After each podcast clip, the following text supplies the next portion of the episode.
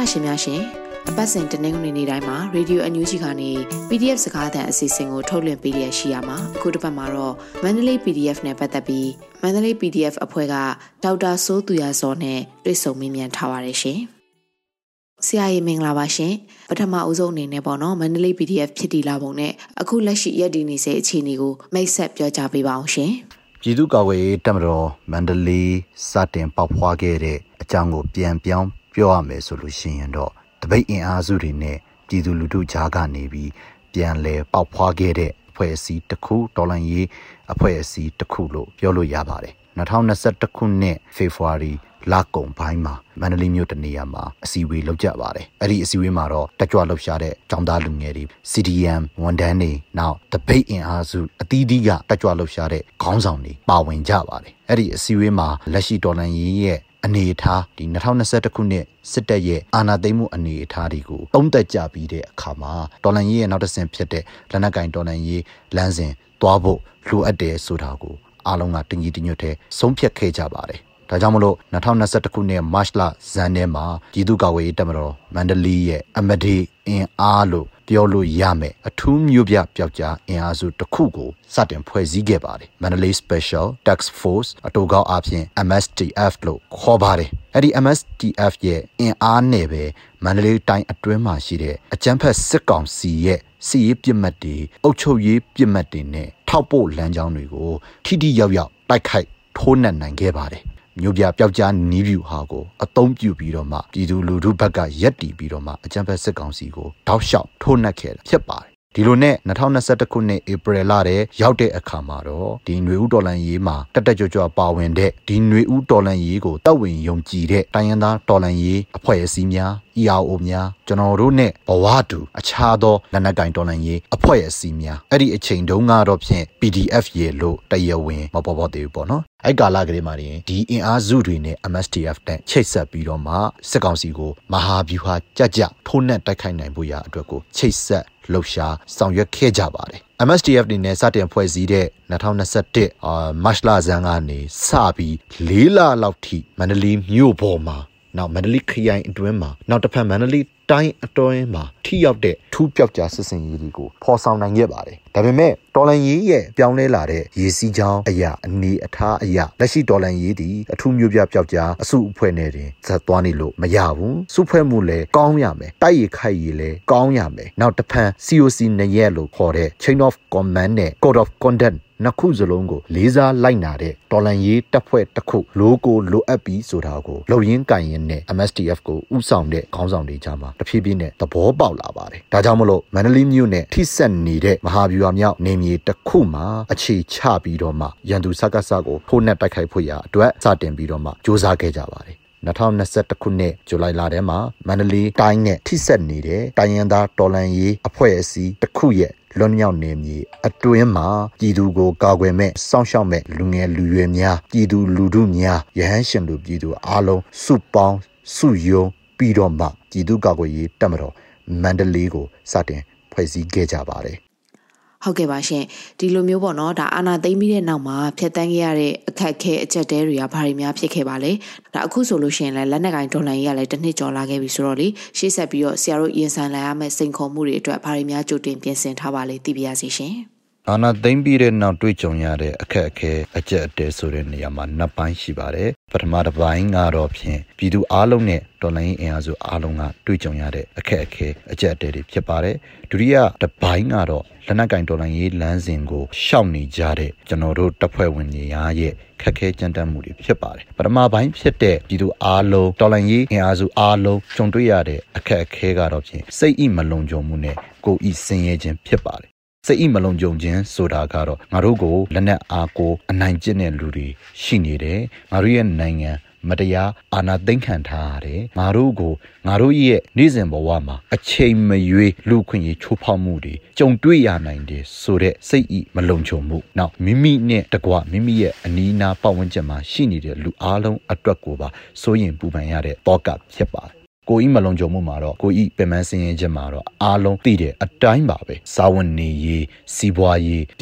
ညာရေးနောက်ဆုံးဘာသာရေးနဲ့လူမှုရေးကစလို့စင်ရဲနှိမ်ကြမှုတွေအရေးအသွေးမပြည့်မီမှုတွေနောက်နိုင်ငံတကာအလဲမှာမျက်နှာငယ်ရမှုတွေဒါတွေအစုံပါဝင်ပါတယ်ဒါကအာနာသိမ့်မှုဖြစ်စဉ်အပြီးမှာပြည်သူလူထုများအဖက်ဖက်ကနေပြီးတော့မှခက်ခဲကြမ်းတမ်းမှုနဲ့အဆအဆအရာရာချွတ်ချုံကြမှုဖြစ်ပါတယ် ဒုတိယပိုင်းဖြစ်တဲ့လက်နက်ကင်တော်ရင်ရေးလမ်းစဉ်ကိုရှောက်ကြတဲ့တပ်ဖွဲ့ဝင်များပြည်သူ့ကာကွယ်ရေးတားကောင်းများအနေနဲ့ပထမဦးဆုံးကြုံရတဲ့အခက်အခဲကတော့ဖြင့်စစ်တပ်ရဲ့သဘောတဘာဝပုံစံနဲ့ဝီယောဒီဖြစ်ခြင်းဖြစ်ပါတယ်ဒီနေရာမှာကျွန်တော်တို့ဒီအမြဲတမ်းမှတ်ထားမှာကကျွန်တော်တို့ဒီမတရားတဲ့စစ်အာဏာရှင်စနစ်ကိုတော်လှန်ခြင်းဖြစ်ပါတယ်စစ်တပ်ရဲ့ဖွဲ့စည်းတည်ဆောက်ပုံမှာအရေးပါတဲ့အဓိကမောင်းနှင်အားဖြစ်တဲ့အမိန့်နာခံမှုဆိုတာကိုတော်လှန်တိုက်ထုတ်ခြင်းမဟုတ်ပါဘူးမတရားတဲ့အမိန့်ဟူသည်များကိုတော့ကျွန်တော်တို့စန့်ကျင်ရမှာ ဖြစ်တယ်လို့တရားတဲ့အမိန့်များကိုတော့ဒေဇာလိုက်ခနာမဲ့အနေထားမှာရှိပါတယ်ဒါပေမဲ့ဒီနေရာမှာကျွန်တော်တို့လက်နက်ကင်တော်လှန်ရေးတပ်ဖွဲ့တဲကိုရောက်လာတဲ့လူငယ်အများစုဟာ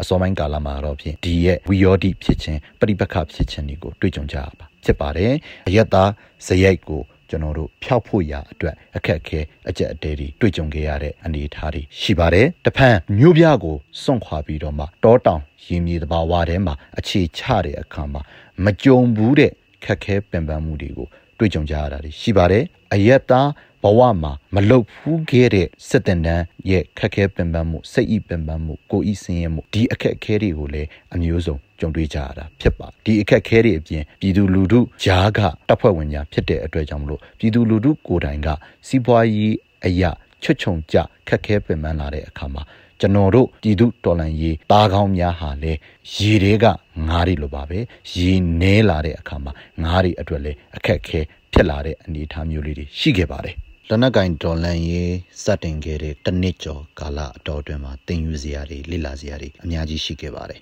။အဲတော့2021ခုနှစ်မေလ9ရက်နေ့မှာပြည်သူ့ကာကွယ်ရေးတပ်မတော်ကိုတရားဝင်စတင်တည်ထောင်တာဖြစ်တဲ့အတွက်ကြောင့်မလို့ဒီနေ့ဒီအချိန်မှာဆိုရင်တော့လက်နက်ကင်ဒေါ်လာရေးခီးဟာတနစ်ခွဲကြော်ခဲ့ပြီလို့ပြောလို့ရပါတယ်ဒီတနစ်ခွဲအတော်အတွင်းမှာကျွန်တော်တို့လက်ကင်ထားတဲ့သကပုံတစ်ခုရှိပါတယ်အဲ့ဒါကတော့မော်ဆိုးဆိုင်တင် ဖြစ်ပါတယ်။လုံရင်ကိုင်ရင်တွေ့ကြုံခဲ့ရတဲ့အခက်အခဲများကိုသင်ခန်းစာယူရင်တွေ့ကြုံခဲ့ရတဲ့အခက်အခဲများကိုနောင်မှာထပ်မံပြီးတော့မှမတွေ့ကြုံရအောင်ပြင်ဆင်ရင်ပြုပြင်ရင်ထိန်းချောင်းရင်းနဲ့ပဲလက်နက်ကင်တော်လန်ရေးလမ်းစဉ်ကိုရှောက်လန်းခဲ့ကြတာဆိုလို့ရှိရင်တနစ်ခွဲကြော်ကာလတွေကို ရောက်ရှိခဲ့ပါပြီဒီကာလအတော်အတွင်းမှာကိုကိုတိုင်ကမုတ်ဆိုးဆိုင်တင်အနေနဲ့လေ့လာသင်ယူခဲ့ရတာတွေရှိတယ်လို့အတွေ့အကြုံရင့်ကျက်ပြီးသားစက်သားခေါင်းကြီးများအတွေ့အကြုံအရေးအချင်းပြည့်ဝပြီးသောတိုင်းရင်းသားတော်လန်ရေးအဖွဲ့အစည်းများရဲ့အကြံဉာဏ်ပေးမှုများထိန်းချောင်းပေးမှုများဘေးကနေဝိုင်းဝန်းကူညီပေးမှုများကြားကနေပြီးတော့မှပဲ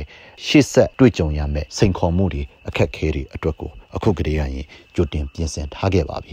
2023ခုနှစ်ဟာရန်သူကိုအလဲထိုးနိုင်ဖို့စ조사ရမှာဖြစ်တယ်တော်လန်ရေးအတွက်အမတန်အရေးကြီးတဲ့နှစ်ကာလတွေဖြစ်တဲ့အတွက်ကြောင့်မလို့ရခင်ကြုံခဲ့တဲ့အခက်အခဲများစိန်ခေါ်မှုများထက်2023ခရီးဟာပိုပြီးတော့မှအခက်အခဲတွေနဲ့ပြည်နေမယ်ခလုတ်ကတဲ့နေနဲ့ပြည့်နှက်နေမယ်ဆိုတာသိကြပါတယ်အဲ့တော့အရင်တွေ့ကြုံခဲ့ရတဲ့ခက်အခဲအဟောင်းတွေစိန်ခေါ်မှုအဟောင်းတွေကိုပဲ2023ထဲမှာပြန်တွေ့ရတာမျိုးရှိနိုင်တယ်လို့စိန်ခေါ်မှုအသက်တွေအခက်အခဲအသက်တွေလည်းတွေ့ကြုံလာနိုင်တဲ့အနေအထားမျိုးရှိပါတယ်ဒီအတွက်ကြောင့်မလို့လဲပြည်သူလူထုရဲ့ဝန်ရံမှုအားပေးမှုနဲ့ပဲအားပြင်းပြီးတော့မှအစစအရာရာဗတ်ပေါင်းစုံကနေဒေါင်းစေအောင်ပြီးကြိုတင်ပြင်ဆင်ထားမှုတွေလုပ်ထားရပါတယ် ဟုတ်ကဲ့ပါဆရာတို့အခုလက်ရှိမှာပေါ့နော်ဒေတာကန် EAO တွေနဲ့ဒါထိတွေ့ဆက်ဆံမှုအခြေအနေတွေရဲ့နောက်သူတို့ရဲ့ပတ်မိုးကူညီမှုတွေနောက်ပြီးတော့တခြားသောတိုင်းသား EAO တွေနဲ့မဟာမိတ်ဆက်ဆံရေးအခြေအနေတွေကရောဘယ်လိုများရှိမလဲရှင်ဒါလေးကိုလည်းပြပြပေးပါအောင်ရှင် ကျွန်တော်တို့အားလုံးဟာအယက်သားဘဝကနေလာခဲ့ကြတဲ့လူတွေဖြစ်တဲ့အတွက်ကြောင့်မလို့လက်နက်ကင်တော်လှန်ရေးလမ်းစဉ်နဲ့တော်တော်မှကိုအလန်းဝေးပါတယ်ဒီအတွက်ကြောင့်မလို့အတွေ့အကြုံရင့်ကျက်သောအရေးအချင်းပြေဝသောတိုင်းရင်းသားတော်လှန်ရေးဖွဲ့အစည်းများတိုင်းရင်းသားတော်လှန်ရေးခေါင်းဆောင်များရဲ့ကူညီဖေးမမှုများနဲ့အားပေးကူညီမှုများဟာကျွန်တော်တို့အတွက်အဖို့မပြတ်နိုင်တဲ့သင်ခန်းစာများပညာများအတွေ့အကြုံခေါင်းများကိုရရှိစေခဲ့တာဖြစ်ပါတယ်ယခုလက်ရှိအနေအထားမှာလည်းတိုင်းရင်းသားတော်လှန်ရေးအဖွဲ့အစည်းတွေရဲ့လည်းအပြည့်အဝအားပေးကူညီမှုကျွန်တော်တို့ရရှိခဲ့ပါတယ်အဲ့တော့သူတို့ရဲ့အားပေးကူညီမှုဆိုတဲ့နေရာမှာတိုင်းရင်းသားတော်လှန်ရေးအဖွဲ့အစည်းများဟာ၎င်းတို့ရဲ့ပင်မတမိုင်းဘေးတာဝန်အမျိုးသားရေးတာဝန်တွေကိုထမ်းဆောင်နေရင်းကနေပြီးတော့မှဒါကျွန်တော်တို့ရဲ့ဘုံရန်သူလဲတူတဲ့စကားစကိုတိုက်ခိုက်ဖြိုခွင်းတဲ့နေရာမှာဒီຫນွေဥတော်လှန်ရေးမှာ၎င်းတို့ရဲ့တမိုင်းဘေးတာဝန်အပြင်ခစ်ပြန်တမိုင်းရဲ့တောင်းဆိုမှုတွေကိုလည်းတတ်နိုင်သလောက်အားပေးကူညီကြတာကိုတွေ့ရပါတယ်လက်ရှိကျွန်တော်တို့ကိုလက်ခံထားတဲ့အားပေးကူညီနေတဲ့တိုင်းရင်းသားတော်လှန်ရေးအဖွဲ့အစည်းတစုံလုံးအနေနဲ့ရောလူပုဂ္ဂိုလ်တဦးတယောက်ချင်းစီအနေနဲ့ရောစိတ်ရောကိုယ်ပါအားတတ်ရောအားပေးကူညီမှုဝိုင်းဝန်းကူညီမှုတွေကိုကျွန်တော်တို့တွေ့ကြုံခဲ့ရပါတယ်ခင်ဗျဟုတ်ကဲ့ပါဆရာအခုပေါ့နော် NUG ရဲ့ one year plan မှာရောဆရာတို့ Mandalay PDF အနေနဲ့ဘယ်လိုမျိုးတွေပါဝင်လှုပ်ဆောင်သွားမလဲဆိုတာကိုလည်းဆရာပြပြလို့ရတဲ့လောက်ပြပြပေးပါအောင်ရှင် NUG ရဲ့ one year plan ပေါ့နော်အဲ့တော့ one year plan ဆိုတာတော့ကျွန်တော်တို့အသေးစိတ်ပြောလို့တော့မရပါပဲနားလည်အောင်ပြောရမယ်ဆိုလို့ရှိရင်တော့စစ်တူရင်ကစားကြတယ်လို့ပေါ့အချိန်တိုင်းတာတစ်ခုထိကစားပြီးသွားတဲ့အခါမှာနောက်ဆုံးအခြေအနေကိုတော့မရောက်သေးဘူးဒါပေမဲ့ဒီကစားပွဲမှာအဖြူဘက်ကနိုင်မလားအနက်ဘက်ကနိုင်မလားဆိုတာကိုဘေးကရက်ကြည့်သူတွေကကောင်းကောင်းကြီးသုံးသပ်လို့ရတဲ့အနေအထားတစ်ခုကိုရောက်အောင်မောင်းနေမယ်လို့ယူဆလို့ရပါတယ် ဒါဒီ NUG ရဲ့ one year plan ပဲဖြစ်ပါတယ်ဒီ NUG ရဲ့ one year plan package ထဲမှာဆိုရင်နိုင်ငံရေးအရာစကောင်စီကိုမဟာဗျူဟာကြကြတိုက်ခိုက်ဖို့တွေနောက်စီးပွားရေးအရာမဟာဗျူဟာကြကြ တိုက်ခိုက်မှုတွေအပြင်အရေးကြီးဆုံးဖြစ်တဲ့လက်နက်ကင်တော်လှန်ရေးလမ်းစဉ်မှာလည်းစစ်ကောင်စီကိုနေပယ်ဘောင်းစုံဗတ်ဘောင်းစုံနောက်မဟာမိတ်ဘောင်းစုံနဲ့ပေါင်းပြီးတော့မှတိုက်ခိုက်ဥချိုးဖို့ဖြစ်ပါတယ်ဒီ one year plan ထဲမှာကျွန်တော်တို့ရဲ့ပြည်သူ့ကာကွယ်ရေးတပ်မတော်မန္တလေးအနေနဲ့လည်းပါဝင်ရမယ့်အခန်းကဏ္ဍတွေအစိတ်အပိုင်းတွေရှိပါတယ် ဘလို့အခန်းကဏ္ဍကနေပါဝင်ရမယ်ဘလို့အလုပ်တွေလုပ်ရမယ်ဆိုတာကိုလည်းကျွန်တော်တို့ကိုအမျိုးသားညီညွတ်ရေးအစိုးရကာကွယ်ရေးဝန်ကြီးဌာနကဓာတ်ရိုက်ညွှန်ကြားအမိန့်ပေးထားတဲ့အနေအထားမျိုးလေးတွေရှိပါတယ်အဲ့တော့သိကြပါတယ်2023ခုနှစ်ဟာတော်နိုင်ရင်အင်အားစုများအတွက်အင်မတန်မှကိုအလုပ်လုပ်ရမယ်အလုပ်နှစ်တစ်ခုလို့ပြောမယ်ဆိုလို့ရှိရင်မှားမှာမဟုတ်ပါဘူးတဖန်ကျွန်တော်တို့ရဲ့ရန်သူစကားစကားလည်းဒီ2023ခုနှစ်အတွင်းမှာတို့ရဲ့နိုင်ငံရေးထွက်ပေါက်အနေနဲ့တဖန်နိုင်ငံရေးခဝါချမှု အနေနဲ့အတူအယောင်ရွေးကောက်ပွဲကိုကျင်းပပြီးတော့မှနိုင်ငံတကာအလယ်မှာတရားဝင်မှုရယူဖို့ရအတွက်ကိုအာတုံကွန်ဆိုင်စ조사လာတာကိုတွေ့ရပါတယ်အဲ့တော့စစ်ကောင်စီရဲ့နိုင်ငံရေးခဝါချမှုနဲ့နိုင်ငံရေးထွက်ပေါက်တစ်ခုကိုမပေးဘဲနဲ့ကျွန်တော်တို့ဟာနိုင်ငံရေးအရာရောစီရေးအရာရောဗတ်ပေါင်းစုံကနေပြီးတော့မှအပြင်းထန်ထိုးနှက်တိုက်ခိုက်ရမယ့်အနေအထားတစ်ခုကိုရောက်ရှိနေပါပြီ2023 one year plan အတော်တည်းမှာ ပြည်သူ့ကာကွယ်ရေးတပ်မတော်မန္တလေးအနေနဲ့လည်းအဲပေးအပ်တဲ့တာဝန်တွေကိုဥလက်မတုံကြိုးပမ်းထမ်းရွက်သွားမှာလို့ပြောကြားလိုပါတယ်ဟုတ်ကဲ့ပါရှင်အခုပေါ့နော်ဒါပြည်သူလူထုတွေနဲ့ຫນွေဦးတော်လှန်ရေးအားစုတွေအနေနဲ့လည်းအခုလာမဲ့ပွင့်လင်းရသည့်အတွက်ကိုဘာတွေပြင်ဆင်ဆောင်ရွက်ကြရမယ်ဆိုတဲ့သတင်းစကားကိုလည်းပြောပြပါအောင်ရှင်ရှေ့မှာပြောခဲ့သလိုပါပဲ2023ခုနှစ်တည်တော်လှန်ရေးအတွက်အင်ပထမကိုအရေးကြီးတဲ့နှစ်တစ်နှစ်ဖြစ်ပါတယ်အလုံးနှစ်လို့ပြောလို့ရပါတယ် ကျွန်တော်အနေနဲ့ကတော့အလုံးနှစ်လို့တင်စားခေါ်ပေါ်ခြင်းပါတယ်စစ်ကောင်စီအတွက်လည်းကြကုတ်ကြခဲခုခံကာကွယ်ရမယ့်နှစ်ဖြစ်တယ်လို့ကျွန်တော်တို့တော်လိုင်းအင်အားစုတွေဘက်ကလည်းအသေးအတန်ကိုမီးကုံရန်ကုံအစွမ်းကုံဖွင့်တိုက်ရမယ့်အနေအထားမျိုးတစ်ခုဖြစ်ပါတယ်ဒီအတွက်ကြောင့်မလို့ကျွန်တော်တို့တော်လိုင်းအင်အားစုတွေမကဘဲနဲ့ပြည်သူလူထုတရက်လုံးကလည်းဒီ2023ခုနှစ်ကိုအားကုန်ယုံကြဖို့ဖြစ်ပါတယ်ပြီးခဲ့တဲ့2021ခုနှစ်2022ခုနှစ်အတော်အတွင်းမှာကျွန်တော်တို့စိုက်ခဲ့သမျှအပင်တွေကိုပြန်လဲရိတ်သိမ်းရမယ့်အချိန်ရောက်ပါပြီကျွန်တော်တို့ထဲခဲ့ရသမျှအရင်အနည်းတွေခွန်အားတွေအတွက်ကိုပြန်လဲပြီးတော့မှအမျက်ပြန်ယူရမယ့်အချိန်ကိုရောက်နေပြီလို့ဆိုလိုချင်ပါတယ်ဒါကြောင့်မလို့တတန်တဲ့ညီတချီတဲ့ယုံကြဖို့ရအတွက်ကြည်သူလူထုအားလုံးဘက်ကနေပြီးပြင်ဆင်ထားကြဖို့ရအတွက်ကိုတိုက်တွန်းလို့ဆိုလိုပါတယ်ဟုတ်ကဲ့ပါဆရာအခုဆိုရင်လည်းဒါဟာတော်တော်လေးပြည့်ပြည့်စုံစုံဖြစ်လာပြီဆိုတော့ဆရာအနေနဲ့ထပ်မံဖြည့်ဆွက်ပြီးတော့ပြောချင်တဲ့အကြောင်းအရာတွေရှိလို့ရှိရင်လည်းပြောပေးပါအောင်ရှင် ကျွန်တော်တို့မြန်မာနိုင်ငံမှာနှစ်ပေါင်းများစွာမဖြေရှင်းနိုင်ခဲ့တဲ့ပြဿနာရင်းမြစ်နှစ်ခုရှိပါတယ်ပထမတစ်ခုကတော့ဒီမိုကရေစီစိတ်သုံးမှုပြဿနာဖြစ်ပါတယ်နံပါတ်2အနေနဲ့ကတော့အမျိုးသားတန်တူရေးသို့မဟုတ် Federal မရရှိခြင်းစစ်မှန်တဲ့ Federal မရှိခြင်းဖြစ်ပါတယ်ဒီပြဿနာရင်းမြစ်နှစ်ခုကြောင့်မို့လို့မြန်မာနိုင်ငံမှာစစ်တပ်ရဲ့အခမ်းကဏ္ဍကပုံမကျေပြန့်လာပြီးတော့မှဒီနေ့ဒီအချိန်မှာစစ်တပ်ရဲ့ဗိုလ်ကျစိုးမိုးချေလည်မှုကိုကျွန်တော်တို့ခံရခြင်းဖြစ်ပါတယ်ဒါကြောင့်မလို့ဒီခုလက်ရှိကျွန်တော်တို့ရဲ့ရွေဦးတော်လှန်ရေးဒီအကြမ်းဖက်စစ်တပ်ကိုအမြင့်ပြတ်ဖြိုချတိုက်ဖြတ်ရုံနဲ့မပြီးပါဘူးကျွန်တော်တို့သွားမယ်လန်ခီဒီပန်းတိုင်ဒီ Federal Democracy ပန်းတိုင်ဖြစ်ပါတယ်အဲ့တော့ Democracy စိတ်သုံးမှုပြဿနာနဲ့အမျိုးသားဒန်းတူရေးပြဿနာနှစ်ခုကိုဖြေရှင်းနိုင်မှသာလေရင်မြန်မာနိုင်ငံမှာအချင်းချင်းအဖန်ဖန်ဖြစ်ပျက်နေတဲ့စိုးကြောတန်တရားတွေကနေပြီးမြန်မာနိုင်ငံကိုဆွဲထုတ်နိုင်မှာဖြစ်ပါတယ်ဒါကြောင့်မလို့အကြံဖက်စစ်တပ်ကိုဖြိုချယုံနဲ့ကျွန်တော်တို့ရဲ့ဒေါ်လာရေးပန်းတိုင်ကဂိတ်ဆုံးမှာမဟုတ်ပါဘူးအဲ့တော့အကြံဖက်စစ်တပ်ကိုဖြိုခွင်းဖယ်ရှားခြင်းသည်ကျွန်တော်တို့သွားမဲ့လမ်းကြောင်းကျွန်တော်တို့သွားကြတဲ့ Federal Democracy ဆိုတဲ့ပန်းတိုင်ကိုသွားရ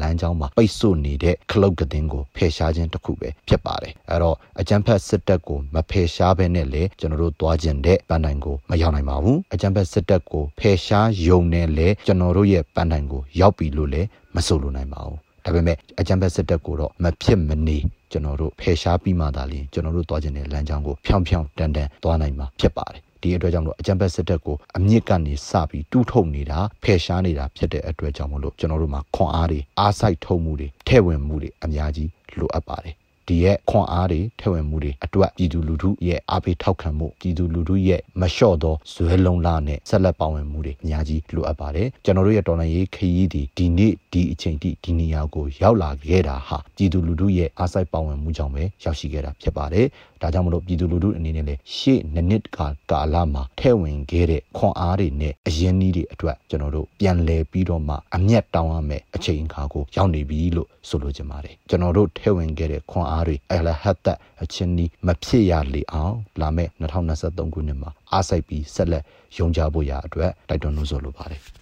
ဟုတ်ကဲ့ပါဆရာကြီးအခုလိုမျိုး Radio NUG အတွက်အချိန်ပေးပြီးဖြေချပေးတဲ့အတွက်ဆရာကိုအထူးပဲကျေးဇူးတင်ပါတယ်ရှင်